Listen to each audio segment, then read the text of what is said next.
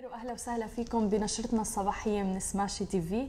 معكم أنا هالة وخلونا أكيد نبدأ بآخر المستجدات لفيروس كورونا. وخليني أخذكم بلمحة سريعة عن الأرقام حول العالم. آه وصلت عدد حالات الإصابة بفيروس كورونا لأكثر من مليونين و300 ألف حالة إصابة حول العالم. أما عن عدد حالات الوفاة فوصلت لأكثر من 160 ألف حالة وفاة حول العالم. أما عن عدد حالات الشفاء فوصلت لأكثر من 597 ألف حالة شفاء حول العالم. ومثل ما عم نشوف أرقام وعدد حالات الشفاء في تزايد مستمر دائما. يعني تقريبا رح توصل 600 ألف حالة شفاء حول العالم. أما إذا بدنا نحكي بالدول الأكثر من حيث عدد الإصابات فأمريكا ما زالت في المرتبة الأولى أكثر من 738 ألف حالة إصابة في أمريكا منهم 121 حالة إصابة جديدة. عدد حالات الوفاة في أمريكا أكثر من 39 ألف حالة وفاة منهم حالة جديدة حالا يعني يوم اليوم الأحد. أما عن عدد حالات الشفاء في أمريكا ف 68 ألف حالة شفاء تقريباً. آه، بعدها بيجي بالمرتبة الثانية إسبانيا 194 ألف حالة إصابة إيطاليا المرتبة الثالثة 175 ألف حالة إصابة بعدها بيجي فرنسا 151 آه، ألف حالة إصابة. بعدها آه، ألمانيا 143 ألف حالة إصابة. هلا خلونا ننتقل للصين اللي عدد حالات الإصابة فيها بنعرف أنه كانت مستمرة لفترة طويلة على تقريبا 81 ألف حالة إصابة. هلا عدد حالات الإصابة في الصين الصين 82735 حالة إصابة منها 16 حالة جديدة. عدد حالات الوفيات مثل ما حكينا أيضا بالصين كانت مستمرة بخط أفقي تقريبا آه، تقريبا 3300 حالة وفاة. أما الآن فعدد حالات الوفاة في الصين 4632 حالة وفاة. وعدد حالات الشفاء 77 آه، ألف حالة شفاء في الصين. طبعا مثل ما بنعرف أنه بين أمريكا والصين طبعا الصين آه، كانت لفترة طويلة جدا في المرتبة الأولى ويقال أنها هي منبع آه، تفشي فيروس كورونا وهذا اللي بينقلنا لخبرنا الأول عن ترامب وأمريكا والصين. ترامب عم بيثير الشكوك مجددا بأنه الصين هي السبب بتفشي فيروس كورونا عن عمد. أعاد الرئيس الأمريكي دونالد ترامب إثارة التكهنات بشأن تورط الصين في نشر فيروس كورونا المستجد اللي طبعا عم بيثير الهلع حول العالم بسبب تفشيه السريع. وقال خلال لقاء يوم آه، السبت يوم أمس إنه لابد من ان تواجه الصين عواقب إذا كانت مسؤولة عن عمد عن جائحة فيروس كورونا. وقال أيضا إنه لو كان خطأ فالخطأ خطأ ويجب أن تعاقب ولابد أن يكون عواقب ولكن لم يعلن عن هي العواقب. آه، وقال إنه أيضا آه، علاقة ترامب بالصين أو أمريكا بالصين كانت طيبة سابقا إلى إنه ما فعلوا ما فعلوه وعم بيثير الشكوك حول أيضا عدد الوفيات في الصين وإنه هي أكثر بكثير من الأرقام المعلن عنها. طبعا بداية نحن ما فينا نشكك إنه العلاقة بين الصين وأمريكا سابقا لم تكن جيدة وتحديدا بالحرب التجارية آه، اللي يمكن ما كانت معلنة مباشرة سابقا ولكن صارت معلنة على العلن آه، ما بين هواوي وجوجل. وغيرها آه، والصين من البداية كانت بدها تكون مستقلة اقتصاديا عن أمريكا بكافة الجهات وتحديدا التكنولوجيا. وهلأ طبعا الثورة القادمة ال 5 جي كان بدها تترأسها الصين وتحتلها من حول العالم. فالعلاقة بين أمريكا والصين ما كانت جيدة سابقا. بالإضافة إلى ذلك في شكوك نعم حول الصين مو بس بفيروس كورونا من قبل حتى وقت فيروس سارس لما انتشر إنه الصين ما بتعلن بشفافيه تامه عن عدد حالات الإصابة والوفيات بهي الفيروسات. ولكن العديد من الحكومات أشادت بإنه الصين هالمرة آه، كانت عم تعلن بشفافية عن هي المواضيع. ولكن أيضا سمعنا إنه في مصادر أخرى عم بتقول إنه في سيم آه، كاردات يعني بأسماء أشخاص آه، لأكثر من 8 مليون شخص فقدوا وصاروا غير مستخدمين حاليا مما بيوضح إنه عدد الوفيات قد تكون أعلى بكثير من المعلن عنها. طبعا عن العلاقة وبين الصين وأمريكا دائما كانت شائكة وتحديدا بالآونة الأخيرة.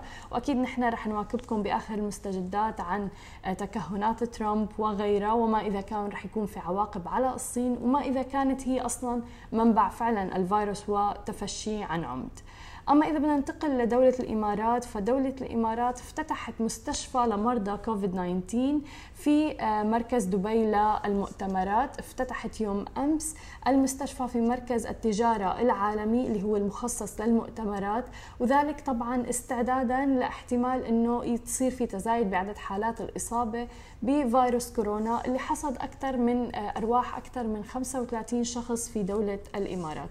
تم الانتهاء من تجهيز المرحلة الأولى من المستشفى الميداني بسعة 300 سرير موجود حاليا في المستشفى ولكن الطاقة الكلية لهذا المستشفى تسع ل 3000 سرير تقريبا وبيختص المستشفى الميداني بمعالجة الحالات المستقرة والمعتدلة طبعا أما الحالات اللي. آه، بدها عناية مركزة وغيرها فالمستشفيات المختصة هي رح تكون مكانة وملاذة طبعا افتتحه يوم أمس ولي عهد إمارة دبي الشيخ حمدان بن محمد بن راشد ال مكتوم وعبر عن عن طريق تغريدة له في تويتر إنه افتتحت اليوم المستشفى الميداني في مركز دبي التجاري العالمي. وطبعا إنه نحن عم نعزز قدراتنا باستمرار في ظل الأزمة الصحية العالمية الحالية. وأضاف أنه حكومة دبي وكوادرها الطبية وخطوط الدفاع الأولى وفرق المتطوعين دائما على أتم استعداد لتلبية نداء الواجب. ومثل ما بنعرف أنه أيضا أطلقت دولة الإمارات حملة آه الإمارات تتطوع وأنه الناس كلها يتطوعوا للبلد. آه وفعلا كان توب ترندنج على تويتر يوم أمس بشكل كتير كبير. وشفنا العديد من التغريدات من المواطنين والمقيمين وغيرها في دولة الإمارات كلهم على تم استعداد للتطوع في دولة الإمارات. ومثل ما بنعرف سجلت دولة الإمارات حتى الآن أكثر من 6300 حالة إصابة بفيروس كورونا وعدد حالات الوفاة فيها 37 حالة وفاة بحسب طبعا الأرقام التي تم الإعلان عنها من قبل وزارة الصحة في الدولة. ويوم الجمعة قررت أيضا اللجنة العليا لإدارة الأزمات والطوارئ في دبي لتمديد برنامج التعقيم في الإمارة لمدة 24 ساعة ولمدة أسبوع آه، بعد ما كان مفترض طبعا أنه ينتهي يوم السبت. ومثل ما بنعرف هذا البرنامج اللي بيشمل حملات تعقيم للمواصلات العامة آه، المناطق اللي فيها كثير سكان كما أيضا بيتضمن آه، إنشاء مراكز فحص من السيارة ومثل ما شفناها وفي ناس كثير عم تستخدمها. بالإضافة لكل هاي المواضيع أنا حابة نوه أيضا أنه دولة الإمارات آه، بتوجيهات من القيادة الرشيدة سفارة الدولة في نيودلهي عم تنجح بالحصول على موافقة الحكومة الهندية لتصدير كميات من دواء هيدروكسي كلوروكين لدولة الإمارات والشحنة الأولى من الدواء فيها 5.5 ملايين حبة. طبعا رح يتم استخدامها لعلاج لمصابي فيروس كورونا وهي أهم شيء أنه دولة الإمارات قادرة على الاستيعاب آه، من ناحية يعني مثل ما حكينا الأسرة. فصار في المستشفى الميداني بالإضافة إلى كل المشافي في الدولة بالإضافة أيضا إلى الفنادق في الدولة اللي عم بيتم آه، فيها آه، معالجة المصابين. ومثل ما عم نشوف بالخبر الآن أنه في علاج قادم آه والحل الأمثل طبعا بعدين لما بيطلع في لقاح وخلص بنكون متأكدين إنه آه ما في حدا ممكن إنه يصاب بفيروس كورونا. أما عن خبرنا الأخير فهو عن جوجل اللي عملت أيضا صندوق مالي طارئ بيشمل الدول العربية أيضا لمساعدة الإعلام الإخباري في ظل أزمة كورونا. بيبدأ من بضعة آلاف الدولارات لوسائل الإعلام الصغيرة وحتى عشرات آلافات الدولارات. مثل ما بنعرف يوم أمس أطلقته جوجل آه، هو صندوق مالي طارئ لتقديم الدعم المالي لوسائل الإعلام اللي عم تنتج طبعا آه، أخبار إلى علاقة بفيروس كورونا. ومثل ما بنعرف هون بنشوف وبيسلطوا الضوء على دور الإعلام قد إيه مهم بظل الأزمة اللي عم نعيشها. قد إيه مهم فعلا انه الإعلام يكون في نوع من الشفافية فيه مصداقية تامة آه، للحد من تفشي الشائعات وغيرها. ومثل ما عم نشوف كل الناس أيضا عم تتجه نحو الإعلام كمصادر أساسية للحصول على المعلومات في ظل الظروف الراهنة اللي عم نعيشها اللي فيها كثير من الشكوك وما واضح أيضا آه، شو القادم بعد هاي الفترة أصلا اللي عم نعيشها. طبعا إجت هاي الخطوة من جوجل آه، لأنه عم بتخوض الصحافة الورقية أيضا ظروف جدا صعبة في ظل أزمة آه، تفشي فيروس كورونا حيث تم إيقاف توزيع الصحف والمجلات في دول عربية منها دولة الإمارات أيضا. والدعم المالي لمؤسسات الإعلام الصغيرة أو الكبيرة في الدول فهي بتشمل أيضا مثل ما حكينا دول عربية مثل البحرين الإمارات مصر الكويت العراق والسعودية ولبنان وليبيا المغرب فلسطين أيضا عمان الصومال والسودان وتونس. ممكن إنكم تقدموا عن طريق الموقع. الموقع هو newsinitiative.withgoogle.com آه، ممكن تفتحوه وتقدموا تقديم بسيط حتى.